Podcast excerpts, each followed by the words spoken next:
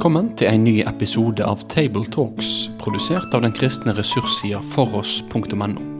På foross.no får du tilgang til tusenvis av solide, oppbyggelige og korsforankra ressurser. Vil du være med og støtte dette arbeidet økonomisk?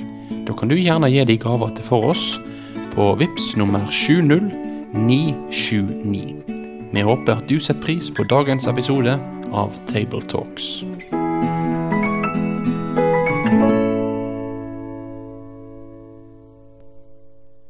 Hjertelig velkommen til en ny episode av Tabletalks. Jeg heter Vegard Soltveit, og jeg leder denne gruppa. Jeg er generalsekretær i Den norske Israelsmisjonen. Og med meg i dag så har jeg Espen Hetland, og jeg er konsulent for digital bibelbruk i Det norske bibelselskap. Og jeg heter Jorunn Sjåstad og er redaktør for bibelleseplanen Logos og arbeider i Bibelselskapet. Teksten for denne søndagen den finner vi i Matteus 3, vers 13-17. Da kom Jesus fra Galilea til Johannes ved Jordan for å bli døpt av ham. Men Johannes ville hindre ham og sa, Jeg trenger å bli døpt av deg, og så kommer du til meg? Jesus svarte, La det nå skje, dette må vi gjøre for å oppfylle all rettferdighet. Da lot Johannes det skje. Da Jesus var døpt, steg han straks opp av vannet, og se, himmelen åpnet seg, og han så Guds ånd komme ned over seg som en due. Og det lød en røst fra himmelen, Dette er min sønn, den elskede, i ham har jeg min glede.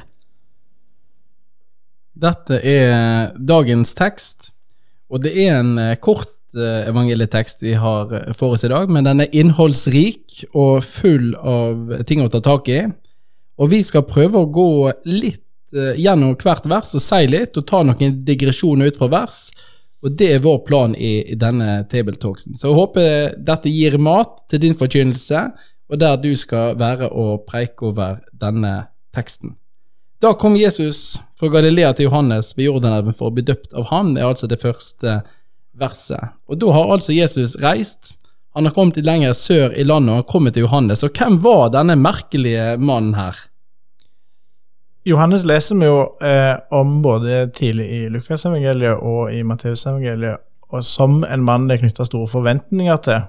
Dette er en fyr som eh, um, som skal vende fedrenes hjerter til barna, blir Zakaria, faren hans, fortalt av, av engelen. Um, og, og, antageligvis er da denne tjenesten han gjør, da, som, som en som døyper ute i, ut i ørkenen, en del av dette. da.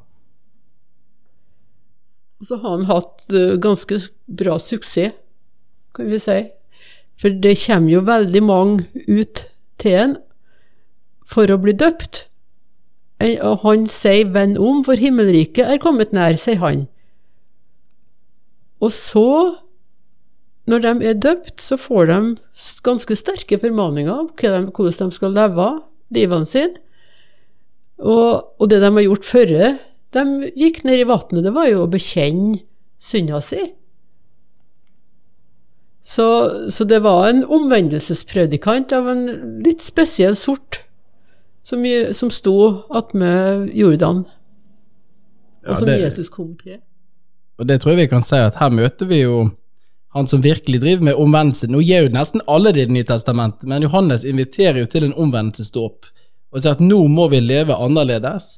Vi må egentlig forberede oss.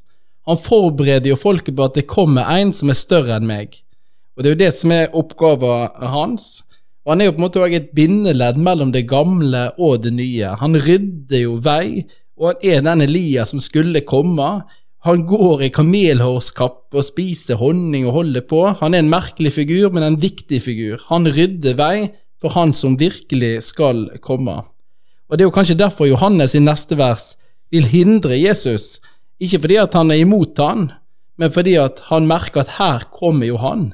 Her kommer han som jeg skal rydde vei for, og derfor han at det, det blir jo helt feil at du kommer til meg, det er jeg som skal komme til deg. Men allikevel så kommer Jesus til Johannes.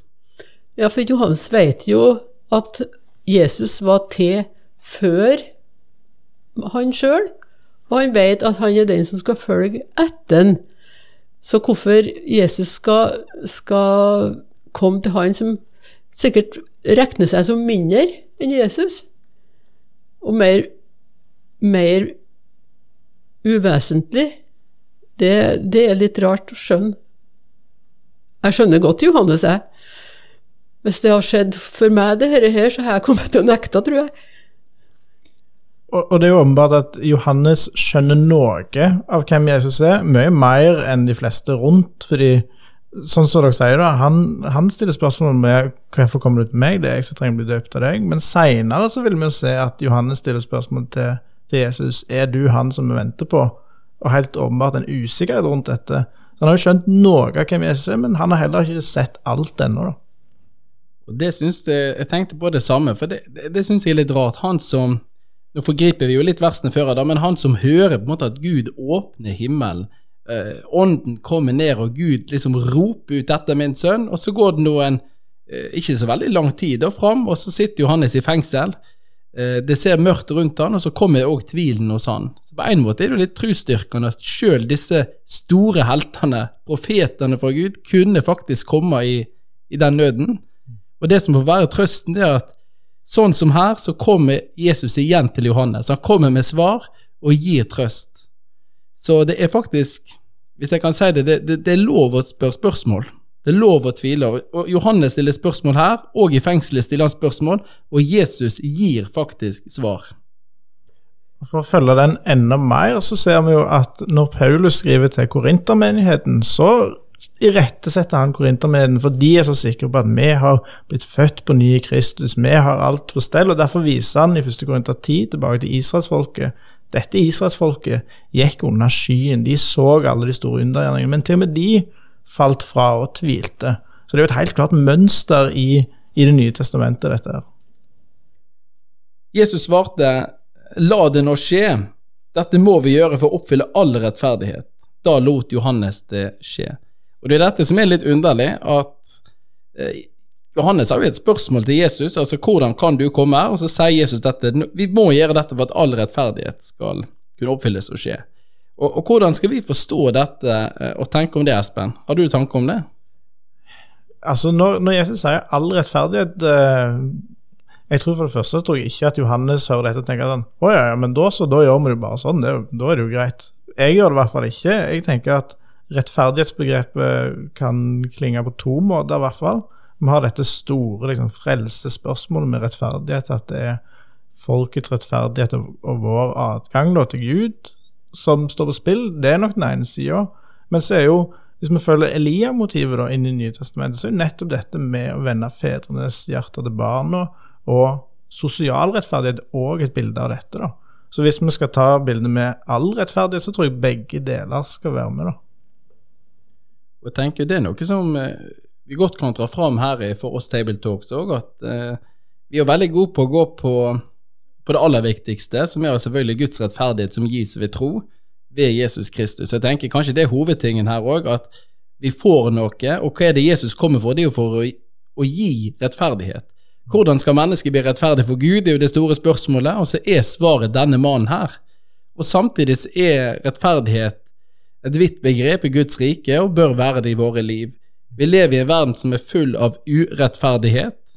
Vi lever i en verden der det er dik diktatorer, der det er krig, eh, der det er store forskjeller på rik og fattig. Eh, dette kan ikke vi som kristne, mener jeg, bare stå og se på og være likegyldige til. Det ligger et ansvar på oss som har møtt Han, som ønsker rettferdighet, som er Guds rettferdighet. Så jeg tror det er veldig lurt og viktig at vi òg er tydelige i forkynnelsen vår på at det, rettferdigheten har både en vertikal og en horisontal linje. En linje opp til Gud, der rettferdigheten har ett navn, som vi gis ved tro, og så lever vi i en verden horisontalt der vi skal jobbe for en mer rettferdig verden, en bærekraftig verden, der det er mindre forskjeller. Så det tror jeg er et kjempeviktig poeng. Jeg tenker òg på at når Jesus kommer og sier all rettferdighet, så lar Johannes det skje, og hva er det han lar skje? Hva er det egentlig som skjer i denne dåpen her? For det er jo en det er, jo, det er jo viktig òg at vi sier forkynnelsen vår at den dåpen som Jesus kommer til nå, er annerledes enn den vi får i, i kirka når vi kommer Jeg, jeg ble jo døpt for godt over 30 år siden eh, i ei kirke, og det er en annen dåp enn det Jesus kommer til. Hva er det som, som skjer her egentlig nå? Den dåpen som, som Jesus kom til Johannes for å få, den, er, den ble jo litt annerledes enn det, det andre han fikk som kom til Johannes. For de kom og bekjente synda si, og fikk henne vaska vekk.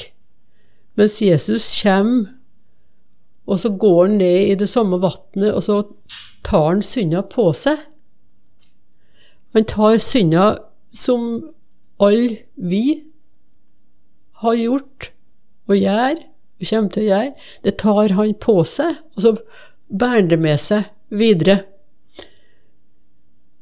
Han blir altså gjort, sånn som Korinterbrevet sier, til synd for oss.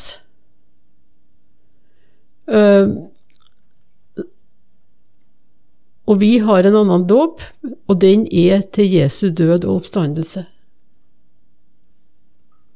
Og jeg tenker jo òg at eh, i forlengelsen av det du sier, Jorunn, er jo akkurat at det er en, det er en omvendt dåp som skjer. Johannes har en omvendelsesdåp, og Jesus kom for en omvendt omvendelsesdåp. Han er den eneste som ikke har trengt å omvende seg, og så likevel kommer han til Johannes, og det er det Johannes reagerer på. Og så syns jeg det, det, er utrolig flott å lese Johannes evangeliet, så vi ikke må forveksle med døperen Johannes, det er to ulike Johannes. Men der eh, tenker jeg at Johannes evangelisten legger jo til grunn en del ting disse synoptiske evangeliene allerede har skrevet om, blant annet denne historien her. Og når vi møter Johannes døperen i Johannes evangeliet, så, så tenker jeg at denne dåpen har allerede skjedd. Og Johannes han har vitna dette, eh, som har skjedd. Og så sier han når han ser Jesus, se der er Guds lam som bærer bort verdens synd. Han har altså en erfaring med hva som skjedde, som jeg tenker vi godt kan dra inn i, i denne sammenheng. Når Jesus kommer til han og går opp igjen av vannet, så skjer det altså noe motsatt. Der de andre kom opp til en omvendelse fra synd, så kommer altså han opp med synd, hvis jeg kan bruke det uttrykket. Han som blir gjort til synd for oss, han som er syndebukken. Og der klinger det jo òg et klangrop fra Det gamle testamentet, fra Jom Kippur, og denne syndebukken som bar altså israelsfolkets synder ut i ørkenen, vekk fra folket. Og hvor går Jesus etter denne dåpen her? Jo, han går jo over Jordan og ut i ørkenen, bort. Altså motsatt retning for alle de andre. Alle de andre som kom til Johannes for en omvendelsesdåp, de gikk derfra opp til Jerusalem gjerne og ofra et dyr. Men Jesus han går ut i ørkenen. Men så er han jo ikke der for godt. Han er der i 40 dager. Og det òg klinger jo fra Det gamle testamentet. Israelsfolket som var 40 da... Nei, de var ikke 40 dager. 40 år var de. 40 dager hadde gått fort. 40 år i ørkenen. Så er Jesus 40 dager i ørkenen og blir frista. Men i motsetning til israelsfolket så gjør han det uten fall. Han tviler ikke én gang. Han står fast. Og så vender han tilbake Israelsfolket de går over Jordan for å innta det lovede land. Når Jesus kommer, så kommer han og så begynner han å forkynne nå er Guds rike her. Vend om, for himmelriket er nær. Og jeg tenker kanskje at her presenterer Jesus et, et landløfte også som er større enn det jordiske landløftet som israelsfolket fikk tatt, og som jeg mener de har rett på, det var sånn det er sagt, men her er det et større løfte som kommer, Altså, det er det evige landløftet, himmelriket, Guds rike, som kommer. Og det kommer også Jesus med. Så det er fullt av symbolikk, det er fullt av linjer som trekkes tilbake til Det gamle testamentet i det som nå skjer, for at all rettferdighet skal oppfylles. Og kanskje er det nettopp denne inngangen inn i eh, Jesu fristelse i ørkenen med at eh, Jesus som faktisk bærer syndens realitet, da, når han stiger opp av vannet.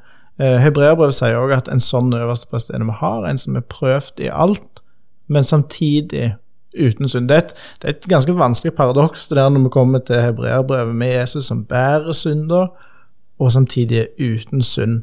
Men vi kan i hvert fall kjenne oss igjen da, i denne at Jesus er blitt prøvd med de realitetene det er å bære synd. Han er ikke et, et, et um, i den forstand er han ikke et guddommelig menneske som kommer ned og da ikke kjenner seg igjen i oss, selv om han òg er det guddommelige mennesket, så klart. Så på mange måter er jo Jesu dåp her eh, en dåp for oss. Han gjør det for vår skyld, og det er vår rettferdighet han vil oppnå. Så det som står i vers 16 her, er jo at da Jesus var blitt døpt, steg han straks opp av vannet. Og så kommer det, og se, himmelen åpnet seg, og han så Guds ånd komme ned over seg som en due. Og så leser jeg det neste vers òg. Og da lød en røst fra himmelen, dette er min sønn, den elskede, i ham har jeg min glede. Og da vitner vi jo helt i begynnelsen av evangeliet, hele treenigheten samla. Og det er jo ikke så ofte vi, vi har det, men her skjer det altså. Himmelen åpnet seg, ånden kommer ned, Faderen taler, og Sønnen står der. Hele Guds fylde er til stede og proklamerer nå skjer det noe. Og det er ganske Jeg lurer på hvordan det må ha vært å stå der på strandlinja ved denne Jordanelva eh, og oppleve det denne dagen. Når himmelen på en måte åpner seg. Du hører, hvordan hørtes denne røsta ut? Var det en vanlig røst? Var det en djup røst? Var det bergensk? Det var det helt sikkert ikke. Eh, hvordan var denne stemninga? Eh, og hva gjorde det med folk? Vi har allerede vært litt inne på det at Johannes blir jo litt sånn tvilende etter hvert òg. Men det er iallfall dette som skjer. Det blir pro proklamert. Nå, og det er akkurat som det er Nå går startskuddet. Nå begynner denne gjerninga. Nå begynner vandringa. Og Det Jesus gjør etter han har vært i ørkenen, det er jo at han kaller disipler. Han begynner denne gjerninga. Han er bred, han reiser rundt, han forkynner ordet.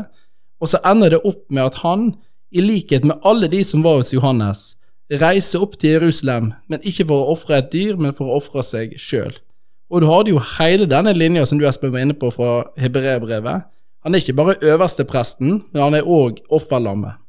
Men hver øver, øverste prest må ha et offer, og hva offer er det denne øverste presten kommer med? Jo, han kommer med seg sjøl.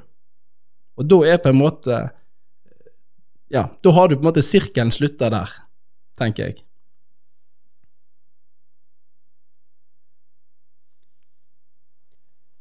Et annet moment til, til, slutt som jeg sjekka litt ut eh, før denne podkasten. Eh, det leste jeg inn på ei side som heter juiceforjesus.org. Eh, og Der er det jøder som tror på Jesus, som, som, skriver. Og så har de en artikkel som handler om er, er dåp eh, Er det jødisk eller hedensk? Jewish or pagan? Eh, og Der argumenterer de for mange gode argument, men så har de ett argument som jeg òg syns vi skal ta med, som er litt flott det var at eh, når de leste Det nye testamentet, så var det første de møtte når det gjelder dåp, det var en jødisk profet som døpte. Og på den måten så, så, de, så ser de òg sammen med vannsymbolikken og mikve og rensesbad og alt, at det som har med dåpen å gjøre, det ser de at dette tydelig rammer inn i den jødiske kontekst. Og i motsetning til Johannesdåpen, når Jesus blir døpt og går opp til Golgata, og vi som døpes til hans dødoppstandelse, det blir en annen dåp, for da er det all rettferdighet, og alt er ferdig for oss. Så på den måten kan vi si at Jesu død oppstandelse og den kristne dåp Kanskje det nesten har vært rettere sagt den jødiske dåp? Eller det er for eh, radikalt å si? Det får vi la henge i lufta. Proklamasjonen som kommer fra himmelen, 'Dette er min sønn, den elskede, i ham har jeg min glede', det Eh, for de som er godt drilla i både profetlitteraturen og, og salmene, så kan en høre to referanser her. Da. En hører salme to, som er denne salmen om eh, Gud som skal innsette sin konge på Sion, hvor vi da leser at eh, du er min sønn, jeg har født deg i dag. Be meg, så gir jeg deg folkene som arv og hele jorda i eie. Et ordentlig seiersmotiv. Eh, Antageligvis kan jeg nesten høre en, en, en krigskonge, en seierskonge, som skal komme fri Israel fra, fra romerne eller fra babyloner og asyrere og i det hele tatt. Men samtidig så har vi siste leddet av her, da. Hører vi Jesaja 42, med, eh, som er en av tjenersangerne, som beskriver den lidende tjener. Se min tjener som jeg støtter, min utvalgte, i ham har jeg min glede. Han, eh, jeg har lagt min ånd på ham, og han skal føre retten ut til folkeslagene. Så I dette, denne proklamasjonen fra himmelen, da, som vi òg får høre seinere når Jesus står på fjellet eh, og Moses og Elia viser seg, eh, så hører vi både tonene av en seierskonge og en lidende tjener. Dette er jo det paradokset vi skal følge med Jesus gjennom hele gjennom alle fire evangeliene, og, og så Paulus òg, da. Og så tenker jeg, for meg så er det siste setningen Dette er min sønn, den elskede, i ham har jeg min glede. Det ble sagt til Jesus. Men på grunn av det Jesus gjorde, så kan jeg få lov til å høre de samme ordene i dag. At dette er min, mitt barn, min datter, min sønn, den elskede. I ham har jeg min glede. Det kan Jesus, det kan Gud si om meg på grunn av det Jesus gjorde. Og det tenker jeg er en veldig god avslutning av denne podkasten òg. Jesus kommer til Johannes. Det er en omvendt omvendelsesdåp. Det er for oss. Han går ut i ørkenen, blir prøvd i alt for oss, kommer tilbake igjen. Og det er han som har Guds velbehag og glede, og på grunn av det, så har òg vi det. Lykke til, og Guds velsignelse. Da vil vi si takk for at du valgte å få med deg denne episoden av Tabletalks, produsert av den kristne ressurssida foross.no. Driftinga og utviklinga av nettsida vår den er avhengig av gode og trufaste støttespillere. Vil du gi ei gave til dette arbeidet? Da kan du gi den via VIPS nummer 70929, eller så kan du besøke foross.no for mer informasjon om å kunne bli en fast giver. Ha en god dag videre.